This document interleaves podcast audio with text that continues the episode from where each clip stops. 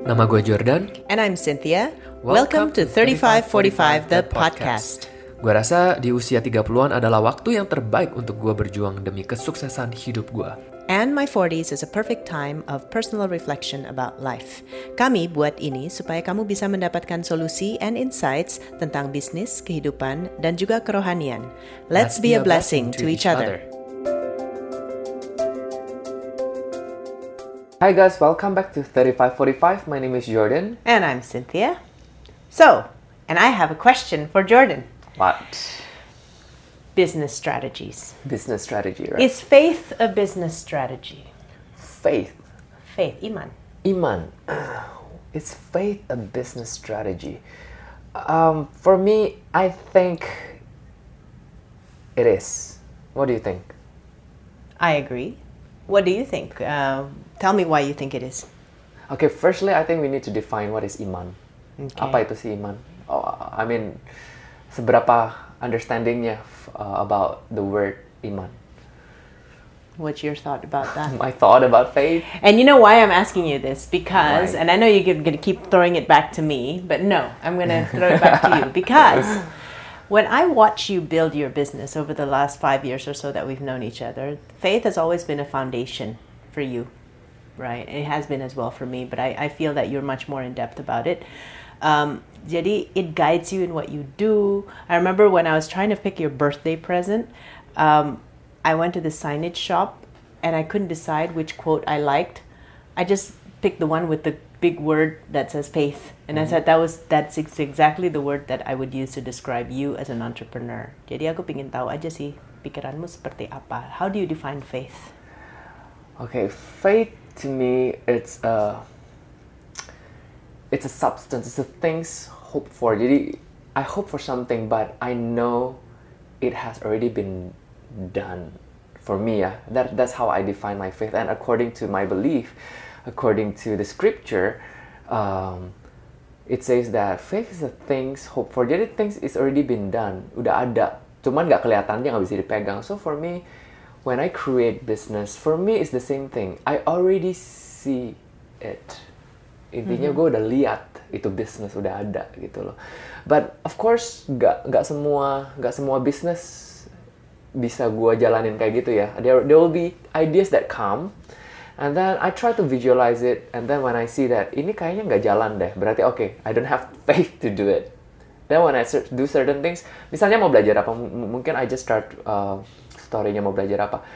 When I first came back to Indonesia, I have I have another business yang udah ongoing dan udah sukses di Singapura. Itu udah generate income-nya udah very steady, itu udah di Singapura. Cuman I wanna bring the business model back to Jakarta. So I already bought the domain, I already strategize. Itu lebih ke real estate. So when it comes to real estate, itu lebih kayak pasti duitnya di sana daripada you start education yang masih nggak jelas. Somehow business model yang mau belajar apa waktu itu aja nggak jelas.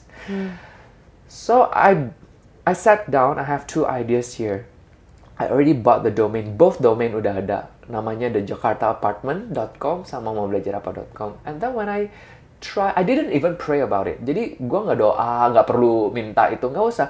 So what I did was I just try to do the planning, calculation. Kayak gini, calculation untuk duitnya lebih banyak pasti di real estate. Tapi for me to see untuk dijalanin agak susah. Kenapa? Karena uh, waktu itu I saw law-nya masih belum bisa belum gitu kuat untuk menjaga bisnis ini. Kalau di Singapura kan very strict. Oke, pokoknya lu jadi real estate agent, lu harus ada license kayak gitu-gitu udah strict lah. Kalau di sini masih belum.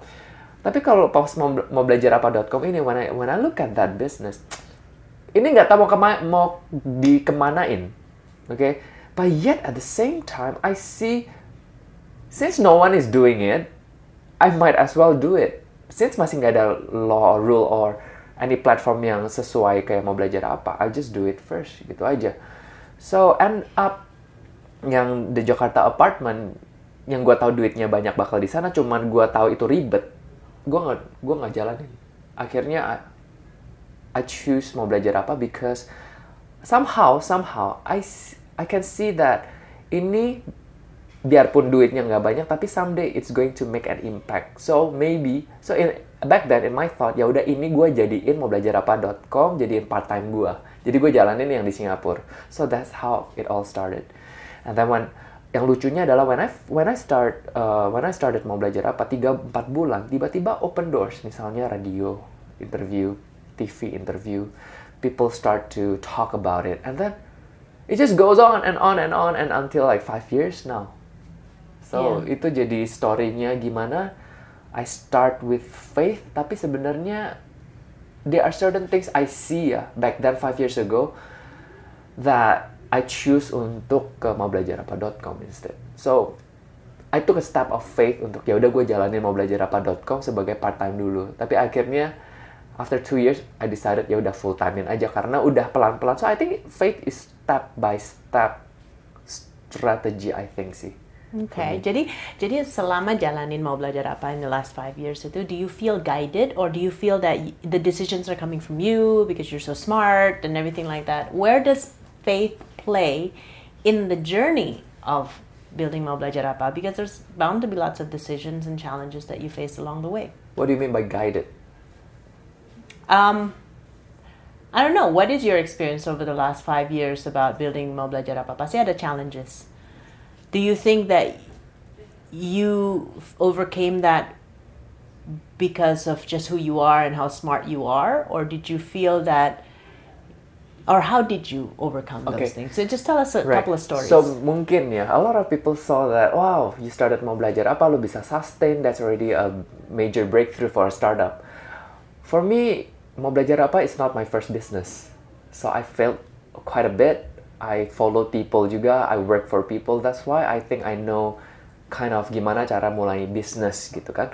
Tetapi uh, when you talk about challenges, surprisingly, um, before I start mau belajar apa, I always feel that I am. Uh, okay, let me rephrase. When I started mau belajar apa, somehow I felt all the wisdom and the knowledge that I need. It just came. It just, it just, it just came. So when there's challenge, misalnya mau tim hiring nih misalnya nih, tiba-tiba kita kekurangan orang, then I can be so so confident to tell my staff tenang, nanti pasti orang yang cocok bakal masuk gitu. And then few days later, the right people come. And itu of course perlu di build ya. When I first started mau belajar apa, I started with the business model, uh, planning with all my papers, books semuanya. Terus lama-lama aku cari domainnya. Habis cari domainnya, I started the website. Nah, itu kan pelan-pelan tuh progress tuh. Habis itu cari vendor. Itu gimana ya orang tertarik gak ya? So I I meet my first vendor. And surprisingly the first second vendor very supportive. And then akhirnya itu jalan pelan-pelan. Tapi itu bakal di-build sih sesuai uh, as as the business grows, uh, challenges, people, finance, financial uh, dari mana cara tahu gimana cara strategize-nya itu somehow step by step datang dan I, I just know what to do. Yeah, it's interesting, isn't it? When you walk by faith, it's hard to explain, but somehow it works out. Yeah, gitu yeah, kan ya. somehow it works out. I mean, for me, I my I again, Action Coach was not my first uh, business, but um, and I've been in corporate for eleven years before I started my own business in Action Coach. But because, but I I also found, especially in the last five years, faith has played a huge part in in what's been able what I've been able to do. Now of course I'm no longer managing partner of Action Coach Jakarta. The business is running without me. I have another business um, that I am currently more active in or I'm getting myself active in which is the selling the coach's license bit in engage and grow you know there's a time in my life where with all the things that was happening you know my personal life I had I had my second divorce at that time and I just felt like I didn't know what I was doing. Because before that, you have to understand that I'm the type of power woman that does things with her own strength. You see what I mean? Right. And that, I mean, you know that, right? Yeah. You know me enough to Yeah. know that. And um, that worked for a while. Um, and I could solve a lot of problems, but it got tiring. And to be honest, terpuruknya itu pada saat 2014 I exited my second divorce. I felt like I was the most incompetent person in the world. And then that was when I surrendered. It wasn't because of business, but of course, whatever happens in my life, of course, hap- uh, Yeah, impacted the business, right? and and then I, I remember I was in a retreat and then I said Tuhan saya udah nggak nggak berdaya lagi I cannot make a good decision in my life you know I don't know what to do jadi gini aja deh I made a deal right you bring me the the people you bring me the guidance you bring me the resources if it is easy I know it's for me If it is hard, it's not for me. It's my power nih. Kalau it's hard, ini gua lagi nih, ya kan? Yeah. Yang yang lagi-lagi stubborn, lagi-lagi so superwoman, ya kan? And that deal came through, you know. Really like pada saat itu gue juga pingin pelayanan dong, ya kan? Tapi aku nggak mau menawarkan diri lah untuk pelayanan. Siapa gue juga? Ini gila, udah divorce dua kali mau pelayanan. Ini please deh, gitu kan?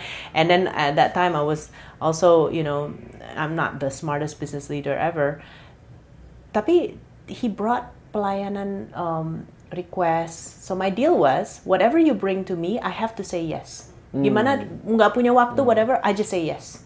Ya, gak tahu gimana caranya, just say yes dulu. Pokoknya yang kayak film itu loh, Yes Man itu, Iya. ya kan? Jadi udah gitu.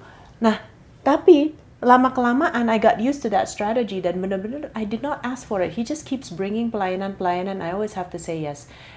And then I grew from it as well. The same with my business. I had some opportunities. Misalnya, uh, there was Southeast Asia opening, and a friend of mine wanted me to get into his business for to open Action Coach Southeast Asia, and I was basically living in the airport.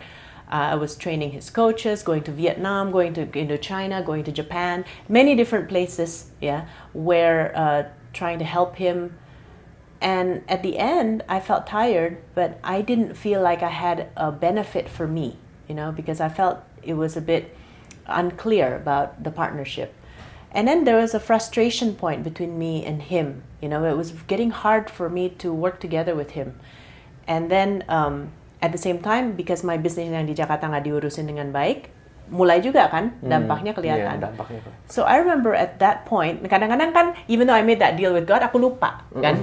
And then he's like, oh, back to Superwoman again. And then at that time, I said, bentar, bentar, bentar. I remember, yeah, I was supposed to have a teleconference with him at 11. I prayed at 8 a.m. I said, Tuhan, if it's meant to be, make it easy. If it's not meant to be, make it hard. Because if you want me to walk out of this opportunity for the Southeast Asia partnership, I can't. I am too greedy. I am too needy of recognition. Mm. I am too excited about this business. I cannot let it go. Mm. It won't come from me. The mm. walking out will not come from me. Tapi kok susah banget. Ya, susah banget. And then uh, ya udah jam 11 the teleconference happened. It was very short. My partner walked out on me. Wow. Right? He just said, "You know, I don't think we should be working together because it's been really hard." Yeah. And it was uh, a terrible conversation, to be honest, at that time. And then waktu itu di kantor gua tuh di bawahnya ada gym, and I was a member of the gym. So, you know, I went down to the gym, packed my stuff, and I started running on the treadmill. You know, kayak Tom Cruise tuh kalau lagi stress dia running kan. That's what I did. I was running, and I was crying because I lost the Southeast Asia opportunity. Hmm. And then, 20 minutes in, I was still running, and I remembered my prayer. Kayak ada yang, um, you know, jitakin gue, lah katanya if it's meant to be, it's for you. Apa, if it's easy, it's for you. Terus kalau misalnya nggak buat kamu, you kan minta Tuhan suruh dia yang walk out, because I cannot walk out of this deal. Lah udah di granted, kamu nangis gimana sih? Bener-bener kayak dijitak tau nggak kepalanya. And then I started laughing by myself on the treadmill. And I said, iya ya bener juga ya. This is good news. So my take on faith sometimes is like, um, kadang-kadang tuh kalau kita nggak walk by faith and we try to do things by ourselves, it feels like uh, kalau ada kegagalan, if we don't get what we want, it's Yes. failure. Yeah. But actually, maybe we're supposed to let go of what we want so that we can get what we need Surrender. Surrender and and really be open to understanding that maybe I don't know what's best for me. Yeah. Gitu kan?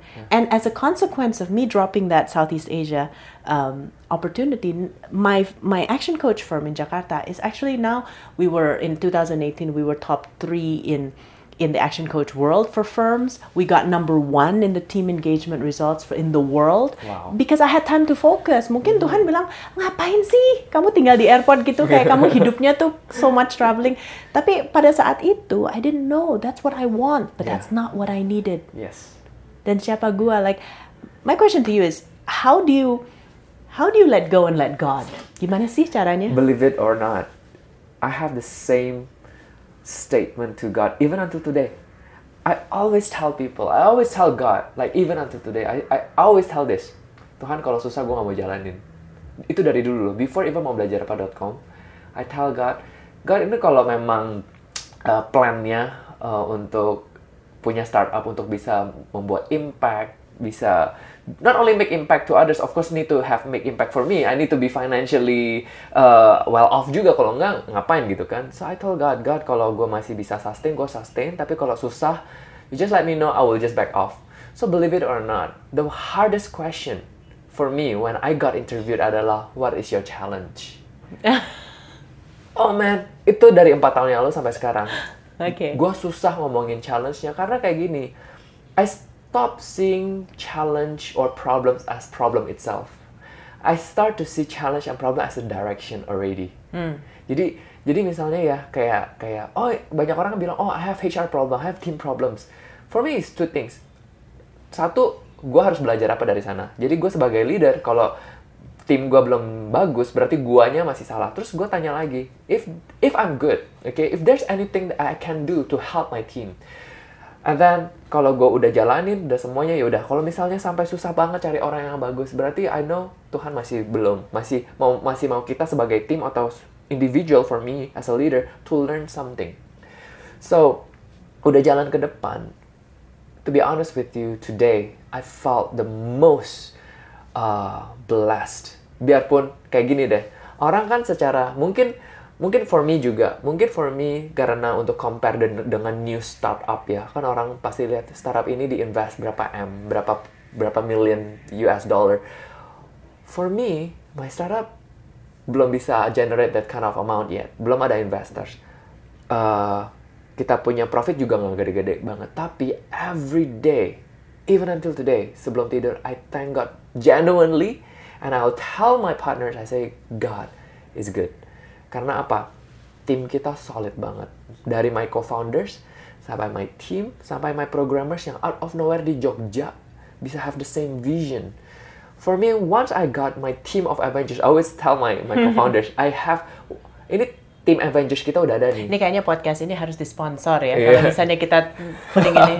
Anyone out there want to sponsor, go ahead. So, once Team Avengers is is apa udah di unite, I, I, I right now feeling itu gue sekarang feel banget kayak the the Avengers team is here. So all I need to do is just to wait. And sebelum fundnya masuk, sebelum investorsnya masuk, untungnya apa tau gak? Aku ada vision, vision buat apa? A lot of startup founders they think of ya udah gue gue punya misi adalah cari investor. Kalau gue enggak, gue punya misi adalah gimana cara cara membuat produk yang bagus lagi. Gimana right. cara punya feature yang bagus lagi. Makanya kan tadi kan kita lagi bahas kan, how do we make a scalable uh, learning experience right. for people kan? Jadi two things yang I'm very proud of uh, or yeah I'll, I'm grateful for. Nomor satu tim yang udah ready. Nomor dua adalah tiap kali ada feature baru di otak gue.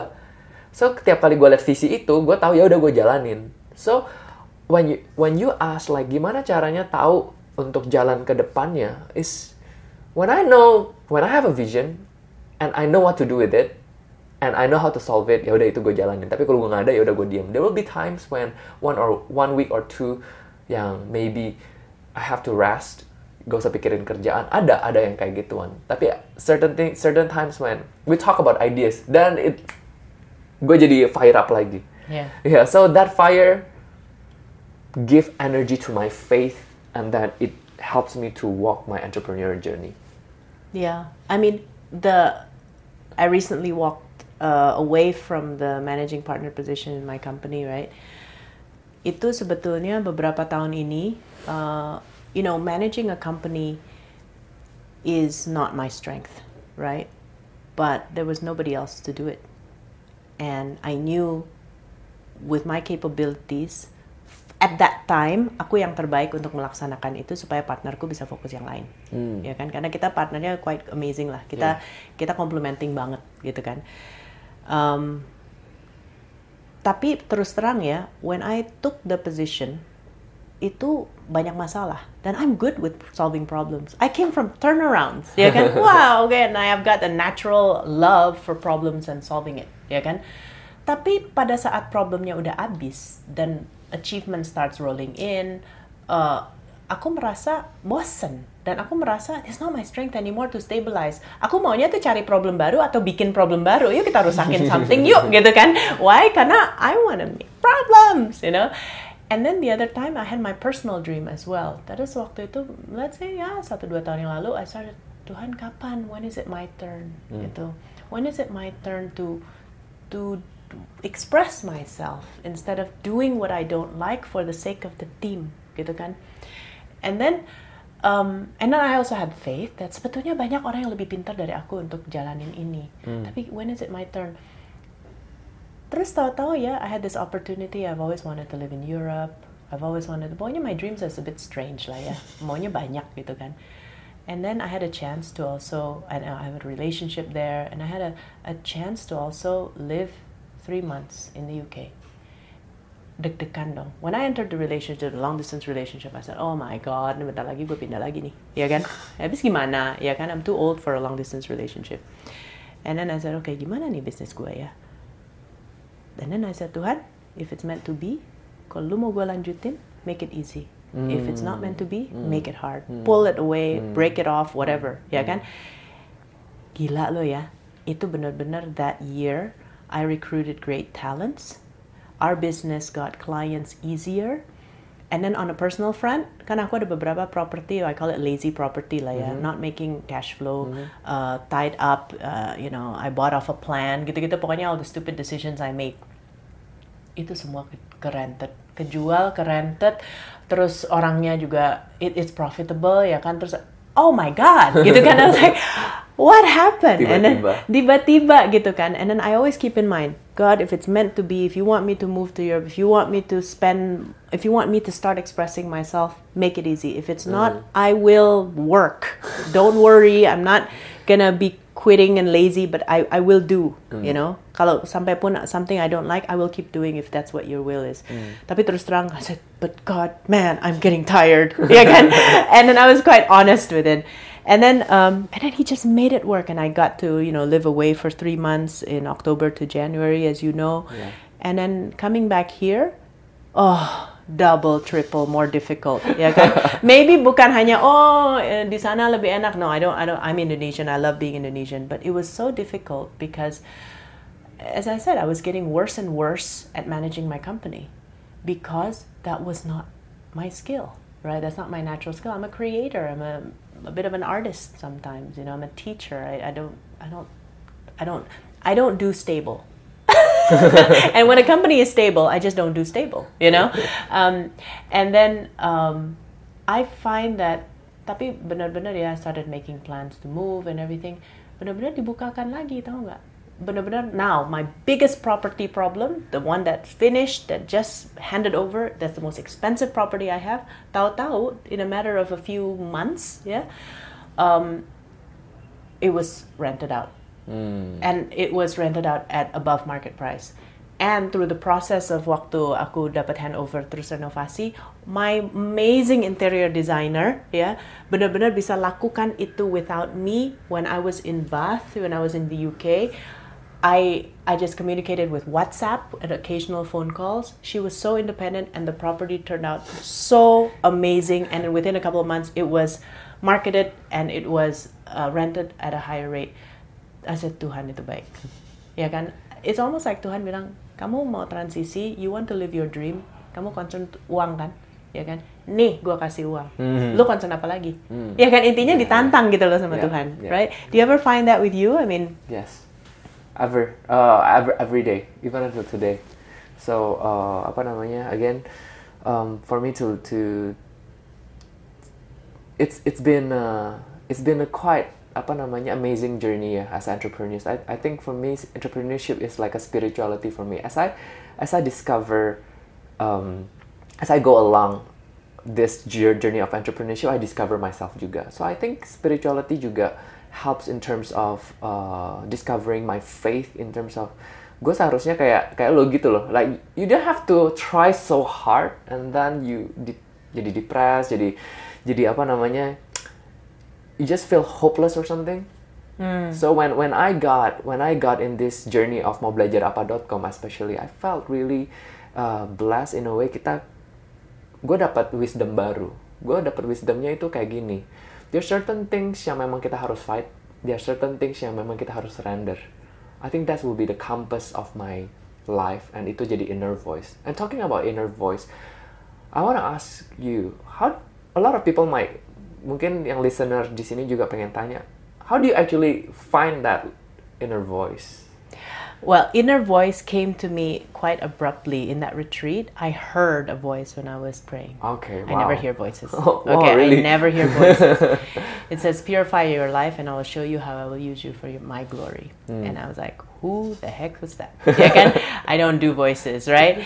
But then I realized that um, a long time ago, I went to kind of like a retreat, maybe, um, where they teach us how to pray Mm-hmm. with silence. Hmm. So I've been praying in silence for a while because I don't know how to pray. You know, you're a very good prayer, but it's like when I pray, I sit and I ask God, what do you want of me? Like misalnya kita mau manggung ya kan, kan wah udah di VIP table kayak atau udah backstage lah, you're mic'd up, and then you're like, I don't mau minum, I said no, just leave me alone. And then I look at the front of the stage, I look at the people, and I usually just say, Tuhan, I don't know these people. I don't know what you want me to do. I've got the brief, but what is it you really want me to say? Ya kan? And then I just say, use me as a tool. Mm. Use me as a tool. Use my mouth as a tool. Use my body as a tool to deliver this message. And it's been amazing, you know. There's been some cases where I don't know what I'm saying. I don't know where I am when I'm saying it. But people say, "Oh, you're itu bagus banget gitu. Itu poin yang itu tuh yang ini." And I was like, "Okay, yeah, it's very good, yeah, um, good, love it, love that you liked it, you know." Tapi inner voice to me, I think happens when you start being quiet. Because imagine this, gua ajak lu ngopi deh. And then we come, we we we we order our coffee, and then I just talk. Hey mm-hmm. Jordan, you know, and then you don't get a chance to say anything, mm-hmm. and then I drink my coffee and I leave. Mm-hmm. That's not a conversation. If a prayer is a conversation, then if I want to learn from you, then I should stay quiet and let you talk, Right. right? Right. I mean, how how do you develop your inner voice? Um, to me, inner voice is like an instinct. Yeah, I I don't I don't I don't hear it clearly. Tetapi itu kayak kayak sesuatu feeling ya or uh, instinct. So how do I develop? I would say to you, uh, mungkin itu kayak AI, artificial intelligence. If you know how AI work in the current industry, is that um, they collect data, ya kan? They collect a lot of data, mil, uh, thousands to millions of data. Abis itu mereka proses, abis itu mereka lihat pattern. Abis lihat pattern, mereka baru forecast. So it's the same thing. When I was young, of course my instinct or intuition itu semuanya salah lah. Let's say I feel like doing A, okay, I do A terus salah gitu, ya udah fail, okay.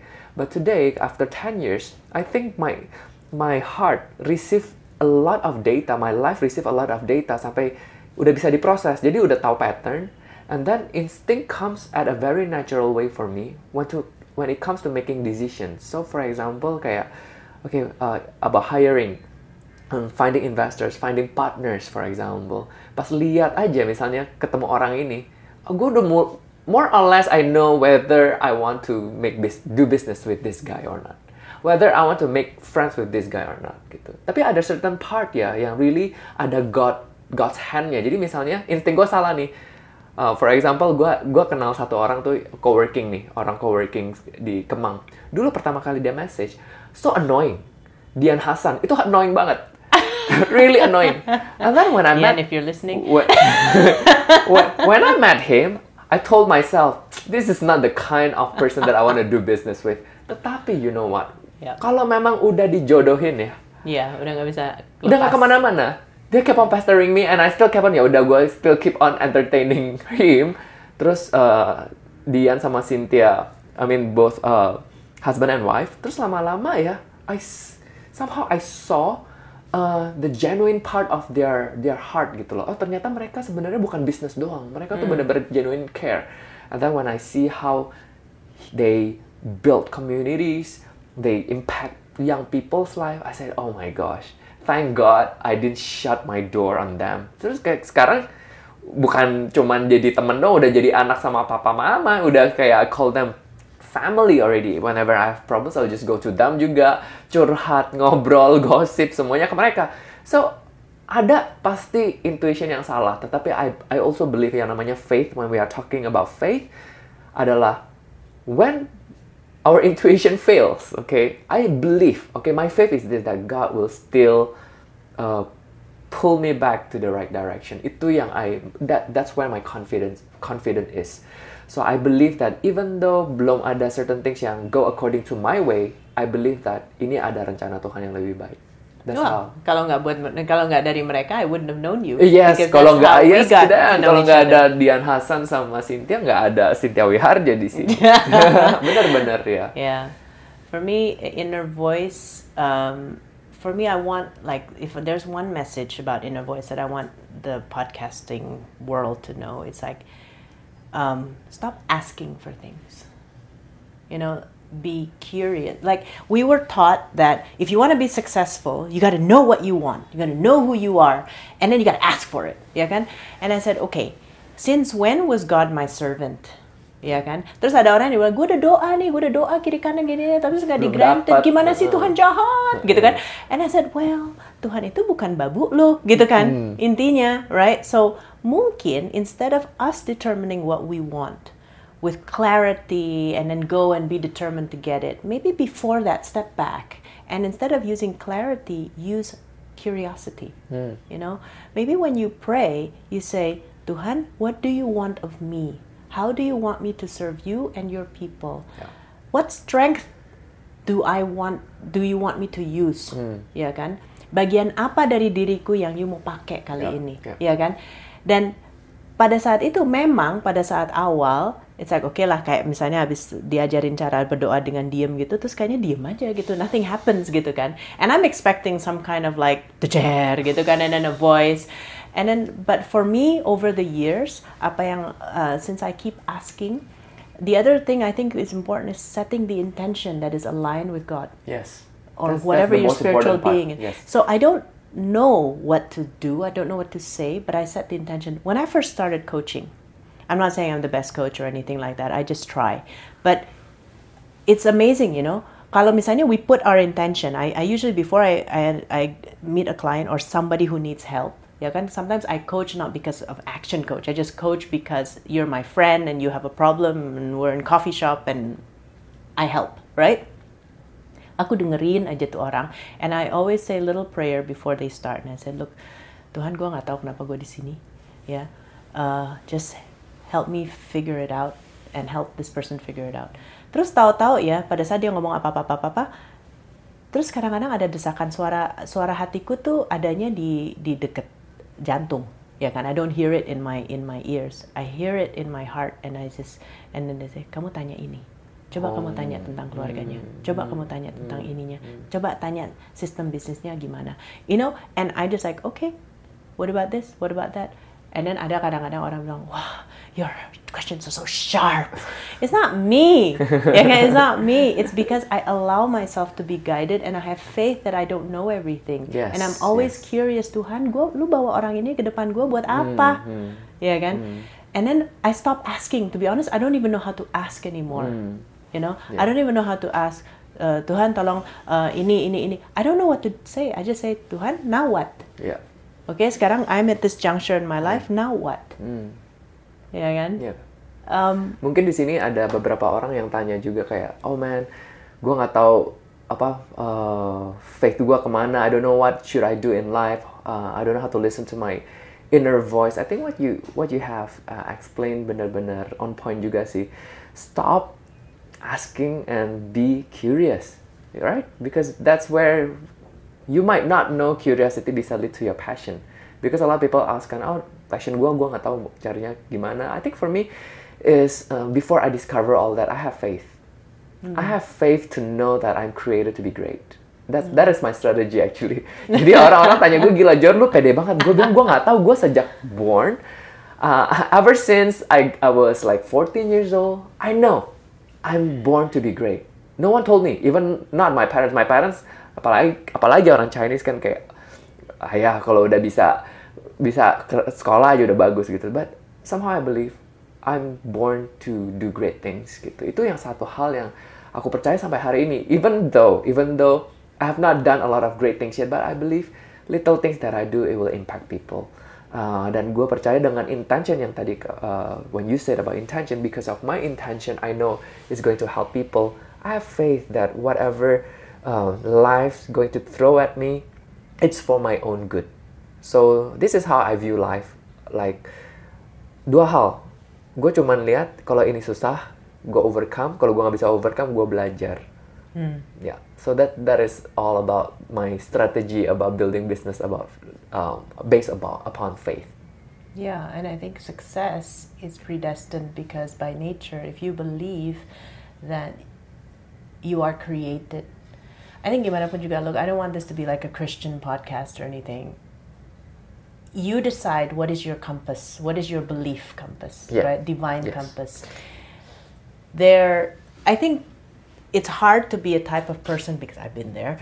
It's hard to be a type of person that doesn't believe in cre- that you are created. I think it's uh, hard because everything is on your shoulders. Yes. Kayaknya kalau lu nggak Yeah. bisa, it's because you nggak bisa. Yeah. Because you're stupid and you nggak bisa. Yes. Ya kan?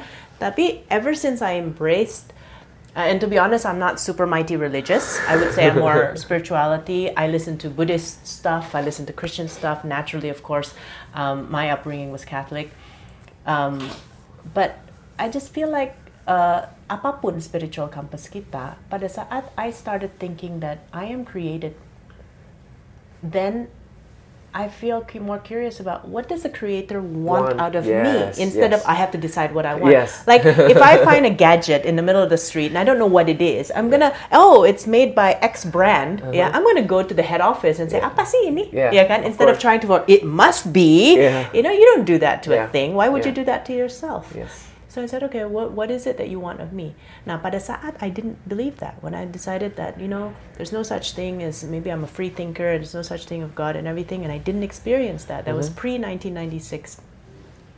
It was hard. It was mm. like, I've got to know everything, I've got to know all the answers. Right. And then I start pushing instead of letting yeah allowing, Yeah. right? And I thought that was really hard. So I'm not saying one is better than the other. I just don't. I just I'm just lazy. I like the easy life. You know, I just feel like I I'm okay just to be guided. But do you believe that we are meant to be successful? Do you think that's a predestined thing, or Predestined do you think? Yeah. I don't know the answer to that questions actually, but I know uh, this thing kayak gini. You are what you believe. Mm. It will be according. It will be done according to your belief. So if your belief that you are born to be successful, you are successful. If you don't believe that you are you're not meant to be successful, then you are not meant to be successful. Itu yang gue percaya sampai sekarang, gitu dong. So I I don't know how to generalize the questions whether people are born to be successful or not, but I just believe that if they believe that they are successful, ya udah dia bakal successful, gitu dong. Yeah, yeah. I believe so too. Well, that was an interesting thing, Yeah. right? I hope you get lots of out, out of it listening to us. And this is what we regularly do, fortunately or unfortunately. Behind or in front of the podcast. Behind or in front of the podcast. um, you know, hopefully in future podcasts, we also want to also just have you become a fly in the wall Yeah. to our, some of our conversations. Hopefully, it'll be a blessing for you. If not, then that's fine too. Semoga episode ini telah berdampak positif bagi kalian. You can follow 3545 on Instagram or Spotify. Join us next episode for more inspiring conversations. Terima kasih.